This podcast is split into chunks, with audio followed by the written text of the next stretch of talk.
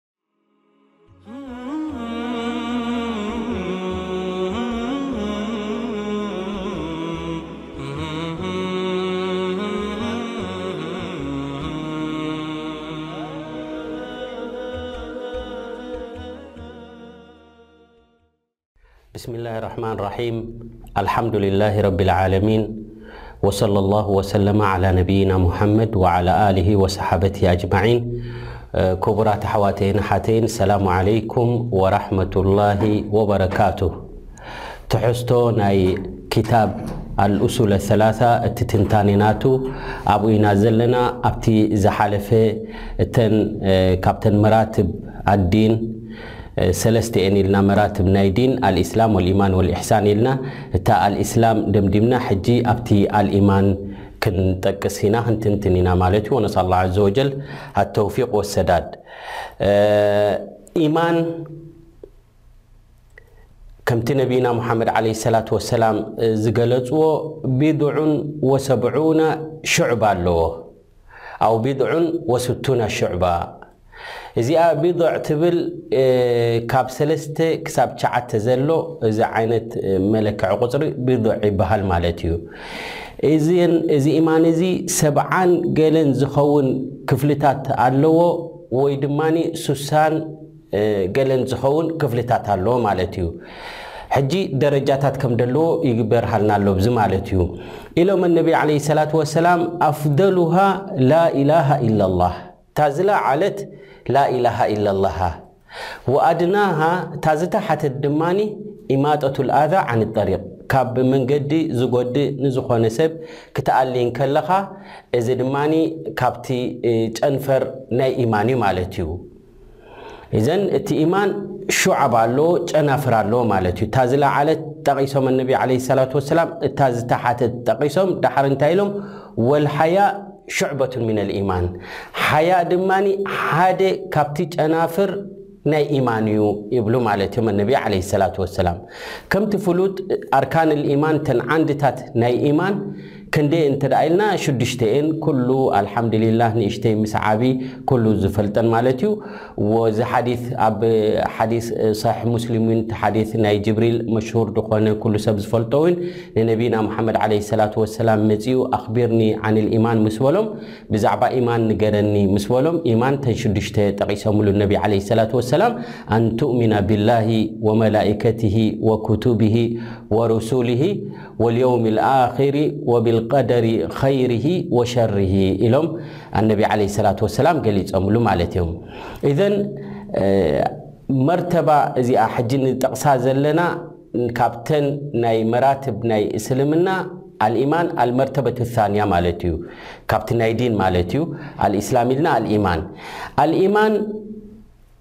ከምዚ ዝጠቐስናዮ ሽዱሽተ ኣርካን ኣለዎ። ኣብ ኣልኢስላም ክንብል ከለና ኣልኢማን ክንብል ከለና ኸኒ እንታይ እቲ ፍልልዩ ንዝብል ኣብቲ ዝሓለፈ ድሩስ ብዝያዳ ጠቒስናዮ ኔርና። ጠብዓን ኣልፈርቁ በይን ኣልኢስላም ወልኢማን ሚን ኣልመሳኢል ኣለቲ ኣጣለ ኣልዑለማእ ፊ በያኒሃ ፊ ኩቱብ ኣልዓቃይድ ኣብቲ ናይ ክታብቲ ናይ ዓቂዳ እንተ ደኣ ከይድና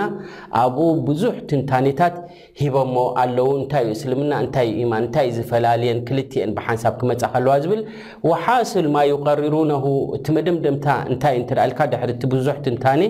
ኩላቶም መብዛሕትኦም ዑለማእ ዝሰማምዑሉ ማለት እዩ ኣነሁ ኢዛ ወረደ ኣሓድ ሃዘይን ለፍዘይን ሙፍረደን ዓን ልኣኸር ፈልመቅሱዱ ብሂ ዲን ልእስላም ኩለሁ እንተ ኢስላም ኢልካ ኢማን ውን ኣብኡ እትው እዩ እንተ ኢማን ኢልካ እስላም ን ኣብኡ እትው እዩ ማለት እዩ ኢዘን ላ ፈርቀ ሒነ ኢዝን በይነ ልእስላም ወልኢማን በቢ ንፅለን እስላም እንድሕር ኢልካ ኢማን እትው እዩ እንተ ነፂልካየን ስኒ ኩሉ ደጠቓለለ እዩ ማለት እዩ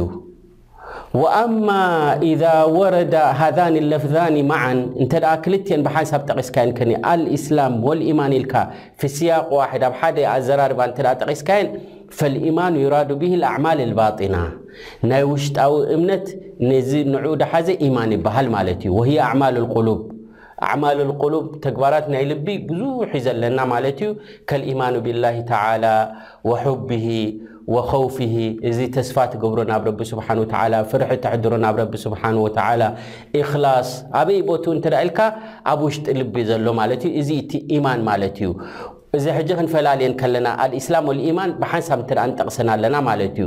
ወኣመ ኣልኢስላም፣ ኢስላም እንተ ኢልና ድማ ፈዩራድ ቢሂ ኣልኣዕማል ኣዛሂራ፣ ናይ ግዳማዊ ዝስራሕ ማለት እዩ። ቃላዊ ይኹን ከምኡ ድማ ተግባራዊ ከም ሰላት ይኹን ከም ስያም ይኹን ከም ዘካት ይኹን እዚ ብግዳማዊ ዝስራሕ ድማ እዚ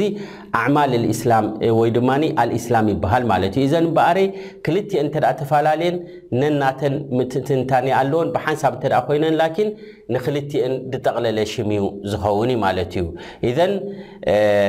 ነዚ ዝገልጽ ብዙሕ መርትዖታት ዑለማ ገሊጾም ማለት እዮም ጠብዓን ኣልእስላም ወልኢማን ኣሕያንን ኣብ ቁርን ልከሪም ብሓንሳብ ይጥቀሳ ማለት እየን ብሓንሳብ እንተ ተጠቂሰን ከምዚ ዝተንተንናዮ ናይ ውሽጣውን ናይ ግዳማውን ኢልና ክንፈልዮ ንኽእል ማለት እዩ ወልዛሊክ ረቡና ዘ ወጀል ኣብ ሱረት ኣልኣሕዛብ መበል ሰላሳን ሓሙሽተን ኣያ እንታይ ይብል? ኢነልሙስሊሚና ወልሙስሊማት ወልሙእሚኒና ወልሙእሚናት ኢሉ። እዘን ክልቲኤን ሕጂ ተቛሪነን መጺኤን ማለት እዩ። ከምኡ እውን ኣብ ሱረት ኣልሑጁራት ድማ ቃለት ኣልኣዕራቡ ኣመና፣ ቁል ለም ትእሚኑ ወላኪን ቁሉ ኣስለምና ወለማ የድኹል ልኢማኑ ፊ ቁሉቢኩም ብፅእ ኢሎም ኣብኡ ከለዉ ኣሚንና ኢና ኢሎም ሕጂ ኣስሊምና ኢና በሉ እቲ ግዳማዊ ወ ዳሕራይ እቲ ኢማን ምስ ደልደለ ምስ ተረረ ሽዑ እዩ ካብ ኢማን ትኣቱ ማለ ኣትየ ትብል ማለት እዩ ኢዘን እዚ እቲ ፍልልይን ናይ ክልቲኤን ዘሎ ኣብቲ ዝሓለፈ እውን ብዝያዳ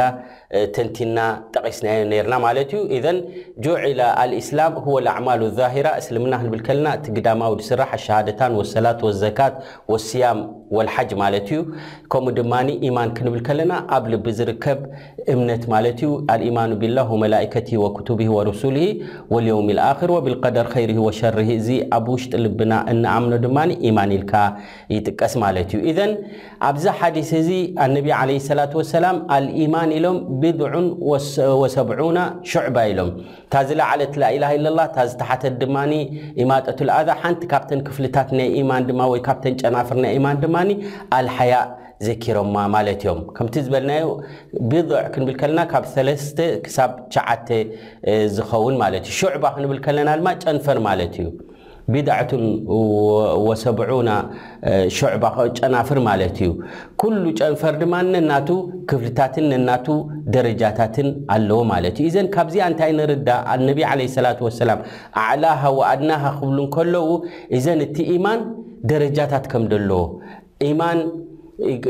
ይውስኽ ኢማን ይጎድል ምዃኑ ውን ይርድኣና ማለት እዩ። ኢነል ኢማን ለይሰ ሓንቲ ዓይነት ኣይኮነን ማለት እዩ ሓንቲ ዘይውስኽ ዘይጎድል ኣይኮነን ማለት እዩ ገለ ገለ ኣለው ኢማን ላስ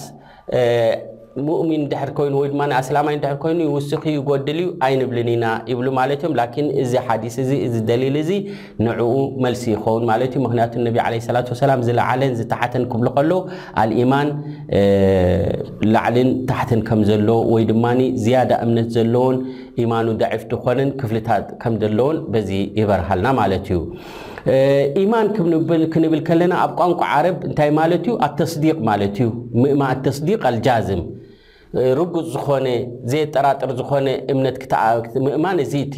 ኣልኢማን ዝበሃል ማለት እዩ ወይ ድማ ኣብ ቋንቋ ዓረብ ወሊዛሊከ ነቢ ዓለይሂ ሰላቱ ኣላህ ስብሓነ ወተዓላ እውን ኣብ ቁርኣን ብዛዕባ ናይ ሰይድና ዩሱፍ ምስ ደቆም ዝነበረ ዝርርብ እንታይ ድብል ኣሎ ወማ ኣንታ ወማ ኣንታ ቢሙእሚኒን ለና ኢሎሞ ኢዘን ቢሙሰዲቂን ለና ማለት እዩ እቲ ናይ ሰይድና ዩሱፍ ኣጥፊኦሞ ምስ መጹ ከምቲ ክም ክዛረቡ እንከለዉ ምኽንያት ከቕርቡ ከለዉ ናብ ኣቦኦም ማለት እዩ ኢዘን ሙዕተቀድ ናይ ኣህሉሱና ወልጀማዓ ኢማን እንታይ ማለት እዩ እንተ ኢልና ሁዋ ቀውሉን ቢሊሳን ወዕቲቃዱን ቢልጂናን ወዓመሉን ቢልኣርካን የዚዱ ቢጣዓት ራሕማን ወየንቁሱ ብጣዓት ሸይጣን እዚ ኢማን እዚ እምበኣሪ ቃላዊ ናይ መልሓስ ከምኡ ድማ እምነት ናይ ልብን ከምኡ ድማ ተግባራት ናይ ኣካልን ከምኡ እውን ኩለማ ጣዓ ጌርካ ኢማን ይውስኽ ኩለማ ማዕስያ ጌርካ ድማ ኢማን ይጎድል እዚ እቲ ታዕሪፍ ዑለማ ናይ ኣህሉሱና ወልጀማዓ ታዕሪፍ ዝገበርዎ ኩላቶም እቶም መዛህብ ድብልዎ እዚ ዓይነት እዚ ማለት እዩ ኢማን የዚድ ወየንቁስ ማለት እዩ እዚ ዘረባ እዚ ንኩሎም ነቶም ኢማን ኣይውስኽን እዩ ኣይጎድልን እዩ ወይ ኢማን ሓደ ደረጃ እዩ ንድብሉ ንዚ ኩሉ መልሲ ይኸውን ኣሎ ማለት እዩ ምኽንያቱ ገለ ገለ ኢማን ኻላስ ኣብ ልቢ ጥራሕ እዩ ናይ ተግባር ኣይኮነን ዝብሉ ኣለዉ ላእ እንተ ብሓቂ ኣብ ልቢ እንተ ኣሎ ኮይኑ እቲ ኢማን ተግባር ውን ክጥዕ እዩ ማለት እዩ። ኢዘን ኣልኢማን እንታይ ማለት እዩ? ናይ ልቢ ጥራሕ ምፍላጥ እንተ ኮይኑ ተግባር ዘይሓዘ እንተ ኮይኑ እዚ ኢማን ክበሃል ውን ኣይክእልን እዩ ማለት እዩ። ምፍላጥ ኢማን እንተ ኢልናዮ ሓታ ኢብሊስ ውን ሙእሚን እዩ ክንብሎ ኢና ማለት እዩ እንድሕር ብከምዚ ዓይነት ኣዘራርባ ኮይኑ ስለዚ እዚ ትኸክል ኣይኮነን እንታይ ደኣኒ ኢማን ምፍላጥ ጥራሕ ዘይኮነ ተግባር ውን ድሓዘ ማለት እዩ ወሊዛሊክ ሓታ ፊርዖን ብዛዕብኦም ረቡና ዓዘ ወጀል ኣብ ሱረት ነምል እንታይ ኢሉ ወጃሓዱ ቢሃ ወስተይቀነትሃ ኣንፉሱሁም ዙልመን ወዕሉዋ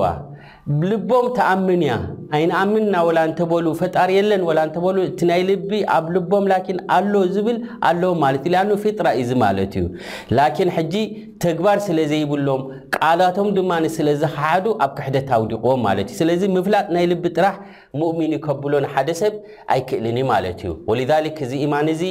ይውስኽን ይጎድልን እንተደኣ ኮይኑ ንሕና ድማ ብምንታይ ክውስኽ ይኽእል ብጣዓ ብምንታይ ይጎድል ሰበብ ምኽንያቱ ከዓ እንተደኣ ኢልካ ብመዓሲ እዩ። ወሊዛሊክ ረቡና ዓዘ ወጀል እዚ ኢማን እዚ ይውስኽን ይጎድልን ምዃኑ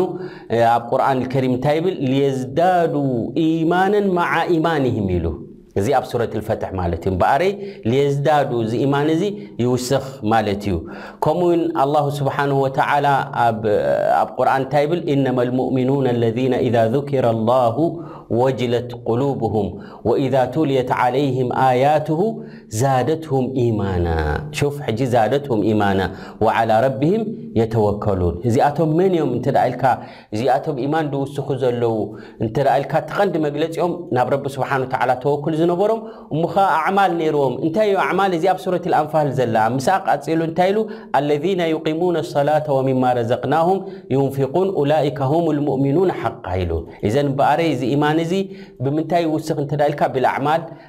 ኣሳሊሓ ከምኡ ውን ነቢና ሙሓመድ ዓለይሂ ሰላቱ ወሰላም እቲ ግልፂ ዝኾነ ኣዘራርባ ዝተዛረብዎ ኣዕላሃ ላኢላሃ ኢለላህ ወኣድናሃ ኢማጠቱል ኣዛ ክብሉ እንከለው ሓያእ ውን ክፍሊ ናይ ሓደ ካብቲ ሹዐብ ናይ ኢማን ዩ ክብሉ ከለው እዚ ኢማን እዚ እምበኣሪ ደረጃታት ከም ዘለዎ ንርዳእ ማለት ዩ ኢማን ሃዛ ደሊል ዓላ ኣነል ኢማን ላቡዳ ፊሂ ሚነል ቀውሊ ቢሊሳን ከምኡ ድማ ብመልሓስካውን ዝበሃል ምዃኑ ብማዕና ኣዕማል ኣብ ሙሰመ ልኢማን ከም ዝኣቱ እቲ ተግባራት ስኒ ኣብ ኢማን ከም ዝኣቱ ማለት እዩ ወልዛሊከ ነቢ ዓለይሂ ሰላቱ ወሰላም ፈኣ ኣዕላሃ ቀውሉ ላኢላሃ ኢለላህ ክብሉ ከሎ ኦ እምበኣረይ እዛ ላኢላሃ ኢለላህ ምባል እዚ ቃላዊ እዚ ሓደ ካብቲ ናይ ኢማን ምልክት እዩ ማለት እዩ በል ኢማን እዩ ማለት እዩ ጠብዓን እዛ ላኢላሃ ኢላላህ ኣዕላሃ ክብሉ ከለዉ ነቢ ዓለይሂ ሰላቱ ወሰላም ማዕረ ክንዲ ምንታይ ደረጃ ከም ዘለዋ እዛ ላኢላሃ ኢላላህ እቲ ዝለዓለ ክፍሊ ናይ ኢማን ኣየናይ እንተ ኢልካ ፈኣዕላሃ ላኢላሃ ኢላላህ ክብሉ ከለዉ እምበኣር እዛ ላኢላሃ ኢላላህ ዓብዪ ደረጃ ኣለዋ ወሊላሂ ልሓምድ እስኻ ላኢላሃ ኢላላህ ክትብል ከለኻ ዙርያ ናትካ ላኢላሃ ኢለላህ ክብሉ ከለዉ ኣቦታትና ኣቦሓጎታትና እዚ ዓብይ ምር ዓብይ ተውህቦ ናይ ረቢ ስብሓን ወተዓላ እዩ ረቢ ስብሓን ወተዓላ እውን ኣብታ ላኢላሃ ኢለላህ ቀጥ ከብለናን ብኣ ክንጓዓዝን ኣብኣ ኣብታ ላኢላሃ ኢለላህ ኢልና ንክንመውት እውን ረቢ ስብሓን ወተዓላ ክንልምኖ ኣለና ማለት እዩ ወሊዛሊክ እዛ ላኢላሃ ኢለላህ እዛ ኢማን እንተ ኣላ ኮይና ኣብ ልቢ ማለት እዩ ናታ ፈዳኢል ኣነቢ ዓለይሂ ሰላቱ ወሰላም ብዛዕብኡ ዝበልዎ ኣብ ኣብ ሰሒሕ ኣልቡኻሪ ዘሎ ብጣዕሚ ያዕኒ ደስ ዘብል እሞ እዛ ላኢላሃ ኢለላህ ንኸይትባላሸወካ ንኸይትንካእ እውን ክትሕልዋን ክትጥንቀቐላን ኣብ ሽርኪ ንኸይትወድቕ ምኽንያቱ ንላኢላሃ ኢለላህ ብምንታይ እዩ ዘባላሽዋ እንተድኣ ኢልካ ወይ ድማ ብምንታይ ትዓኑ እንተድኣ ኢልካ ኣብ ሽርኪ ምውዳቕ እዩ ማለት እዩ ነዋቕድ ናይ እስልምና ወይ ናይ ኢማን ብዙሕ እዩ ዘሎ ሓደ ካብኡ እንታይ እዩ ሽርኪ እዩ ማለት እዩ ወሊዛሊክ ካብ ሽርኪ ትጥንቀቕ ማለት እዩ። ወነቢ ዓለይሂ ሰላቱ ወሰላም ፊ ፊ ሪዋየት ልቡኻሪ ዓን ኣነስ እንታይ ኢሎም ኣነቢ ዓለይሂ ሰላቱ ወሰላም የኽሩጁ ሚነ ናር መን ቃለ ላኢላሃ ኢለላህ ወፊ ቀልቢሂ ወዝን ሸዒራ ሚን ኸይር ኢሎም ክንዲ ስገም ትኣክል ኼር ደላቶ እንተ ኮይኑ ላኢላሃ ኢለላህ እሞ ዝብል እንተ ነይሩ ኮይኑስኒ ወላ እኳ ኣብ ሓዊ ጀሃነም እንተኣተወ እዛ ላኢላሃ ኢለላህ ተውፅኦ ኢሎም ኣነቢ ዓለይሂ ሰላቱ ወሰላም። ከምኡ እውን እንታይ ይብሉ ነቢ ዓለይሂ ሰላቱ ወሰላም ወየኽሩጁ ሚነናር መን ቃለ ላኢላሃ ኢለላህ ወፊ ቀልቢሂ ወዝን ቡራ ኢሎም። መሊሶም ኢሎም ኣነቢ ዓለይሂ ሰላቱ ወሰላም ወየኽሩጁ ሚነናር ሹፍ ወላ እኮ ዘንብታት በዚሕዎ ኣብ ሓዊ ጀሃነም እንተኣተወ እንተደኣ ሙእሚን ኮይኑ እንተደኣ ብላኢላሃ ኢለላህ ይኣምን ነይሩ እንተደኣ ኮይኑ ስኒ እዛ ላኢላሃ ኢለላህ ከምትጠቕሞ ካብ ሓዊ ጀሃነም ከምተውፅኦ እንታይ ይብሉ ኣለዉ ነቢ ዓለይሂ ሰላቱ ወሰላም ላኢላሃ ኢለላህ ዝብል እንተ ደኣ ኮይኑ ወፊ ቀልቢሂ ወዝን ዘራ ሚን ኸይር ንእሽተይ ክንዲ እታ ዝነኣሰት ነገር ትረኣይ ወይ ድማ እታ ዝነኣሰት ብመዕበዪ ጌርካ እውን ትሪኣ እንተ ደኣ ኮይና ክንድኣ ትኣክል እውን ኸይር ዘለዎ እንተ ደኣ ኮይኑ እሞ ላኢላሃ ኢለላህ ዝብል እንተ ነይሩ ኮይኑ ስኒ ካብ ሓዊ ጀሃነም ይወጽእ ይብሉ ኣነቢ ዓለይሂ ሰላቱ ወሰላም። ኢዘን እዚ ዓቢ ደረጃ ኢዩ ማለት ኢዩ። ወሊዛሊክ ኣቢ ሁረይራ ረዲየላሁ ዓንሁ ሓደ እዋን ንነቢ ዓለይሂ ሰላቱ ወሰላም ሓቲቶም ያ ረሱሉላህ ኢልዎም መን ኣስዓዱ ናስ ቢሸፋዓቲክ ኢልዎም። መን ዮውም ኣልቅያማ ስኒ ሸፋዓ ናትካ ዝረክብ ዕድለኛ ዝኸውን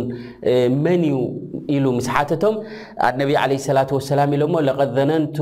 ያ ኣባ ሁረይራ ኣላ የስኣሉኒ ዓን ሃዛ ልሓዲስ ኣሓዱን ኣወለ ሚንካ ኢሎሞ ካባኻ ንዓ ንላዕሊ ቀዲሙካ ስኒ ዝሓትት ሰብ የለን ብዛዕባ እዚኣ ይብል ነይረ ከምቲ ዝበልክዎ እንትደሓስቦ ዝነበርኩ ንስኻ ሓቲትካ ኢሎሞ ነቢ ዓለይሂ ሰላቱ ወሰላም ንምንታይ ሊማ ረኣይቱ ሚን ሕርሲካ ዓለል ሓዲስ ምኽንያቱ ብዙሕ ሓታታይ ስለ ዝነበረ ብዙሕ ነገር ሓዲስ ናይ ረሱል ሰለላሁ ዓለይሂ ወሰለም ክፈልጥ ዝጽዕር ስለ ዝነበረ ንስኻ ኮን ትሓታ ትኸውን ኢብል ነይረሞ ንሓቲትካያ ኢሎሞ በል ኢሎሞ ነቢ ዓለይሂ ሰላቱ ወሰላም ኣስዓዱ ናስ ብሸፋዓቲ የውም ልቅያማ መን ቃለ ላኢላሃ ኢለላህ ኻሊሰን ምን ቀልቢሂ ኣው ነፍሲሂ ኢሎሞ እዚ ኣብ ርዋየት ልቡኻሪ ይርከብ ማለት እዩ ላኢላሃ ማለት ናይ ረሱል ዓለይሂ ሰላቱ ወሰላም ሸፋዓ ዝረክብ ኣስዓዱ ናስ ዝኾን ብሸፋዓ ናይ ረሱል ሰለላሁ ዐለይሂ ወሰለም ነታ ላኢላሃ ኢለላህ ዝበላ ላኪን ካብ ልቡ ዝመሰረታ ካብ ልቡ ዝመንጨወት እንተደኣ ኮይና እዚ ሙኽሊስ ዝኾነ ሰብ ነዛ ላኢላሃ ኢለላህ ዝበላስ ሸፋዓ ናተይ ይረክብ ኢሎም ኣነቢ ዓለይሂ ሰላቱ ወሰላም። ከምኡ ድማ እቲ ኣዕማል እቲ ቀውል ሓደ ካብቲ ሙሰማ ናይ ኢማን ምዃኑ ከምኡ ድማ ወኣድናሃ ኢማጠቱል ኣዛ ዓኒ ጠሪቅ ክብሉ ከለዉ እውን እምበኣርይ ተግባር ኣብ ኢማን ከም ድኣቱ ማለት እዩ እታይ ይብሉ ኣለዉ ነቢ ለ ሰላት ወሰላም እታ ዝናእሰት ናይ ኢማን ይብሉ ኣለዉ ካብቲ ጨናፍር ናይ ኢማን ስኒ ንዝጎድእ ነገር ካብ መንገዲ ክትኣልዮ ከለኻ ክተልግሶ ከለኻ እዚ ሓደ ካብቲ ምልክት ናይ ኢማን እዩ በል ኢማን ኢሎም ኣነቢ ለ ሰላት ወሰላም ማለት እዩ እዘን ኣልዓመል እንታይ የረዳእና ማለት እዩ ኢማን እዩ ማለት እዩ የድኹል ፊ ሙሰመል ኢማን ማለት እዩ ኢዘን ወዲ ሰብ ድማ እምበኣር ካብዚ እውን እንታይ ክርዳእ ንኽእል ዓመል ሳልሕ ስኒ ወላ ንእሽተይ ትኹን ስኒ ከስተዋሕዳ የብሉን ማለት እዩ ክትሰርሓ ኣለካ ማለት እዩ እንተ እዛ ንእሽተይ ኣትብላ እተ ኣብ ተግባር ኣውዕልካያ እተ ሰሪሕካያ ስኒ ኣብ ቅድሚ ረቢ ክንዲ ምንታይ ደረጃ ከም ዘለዋ ይበርሃልና ማለት እዩ ወልዛሊክ ነቢ ዓለ ሰላት ወሰላም ይብሉ ኣለዉ እዚኣ ንእሽተይ ትጎድእ ነገር ካብ መንገዲ ክትኣልያ እንከለኻ ስኒ ክንድዚ ኣጅሪ ኣለዋ። እንታይ ኣለዋ ማለት እዩ? ሓደ ምልክት ወይ ሓደ ካብቲ ሙሰመል ኢማን እያ። ኢማን ናይ ኢማን ምልክት እዩ። ኢማን እያ ማለት እዩ። ወሊዛሊከ ነቢ ዓለይሂ ሰላቱ ወሰላም ኢሎም ሓደ ሰብኣይ ነይሩ ኣብ መንገዲ እንዳኸደ ከሎ ስኒ ኢሎም በይነማ ረጁሉን የምሺ ቢጠሪቅ ወጀዳ ጎስኑ ሸውኪን ዓለ ጠሪቅ ኣብ መንገዲ ትጎድእ ሰባት ሓንቲ እሾኽ ብዙሕ ሰብ ተጻግም ነይራስ እዚኣስ ክንደይ ሰብ ተጻግም ኣላ ኢሉ ኣልጊስዋ፣ ኣልይዋ ካብቲ መንገዲ ኢሎም። ሰባት ድማ ብጽቡቕ ክሓልፉ ጀሚሮም ማለት እዮም። ረቢ ሱብሓነሁ ወተዓላ በዚ ዝገበሮ ተግባር ረብል ዓለሚን ቐፊሩሉ ጀና ኣእትይዎ ይብሉ ኣነቢ ዓለይሂ ሰላቱ ወሰላም። እዚ እንታይ የረድኣና ማለት እዩ? እዚ ጠብዓን ኣብ ሪዋየቱል ቡኻሪ ወሙስሊም ይርከብ እዚ ሓዲስ እዚ።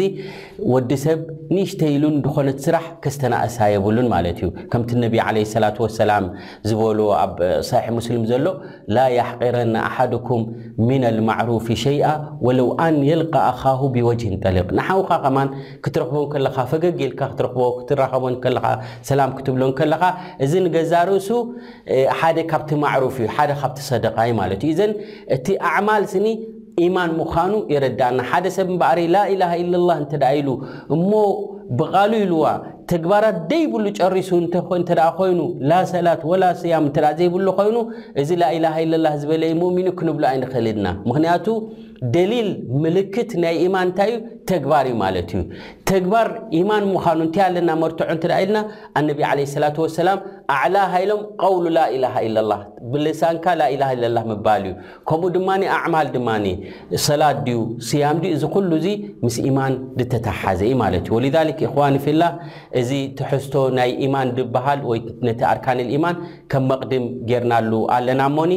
እንሻ ላህ ኣብቲ ድመፅእ ትንታነ ናይ ኣርካን ልኢማን ክንርኢ ኢና ወነስኣል ላህ ዘ ወጀል ኣተውፊቀ ወሰዳድ ወሰለ ላሁ ወሰለማ ዓላ ነብይና ሙሓመድ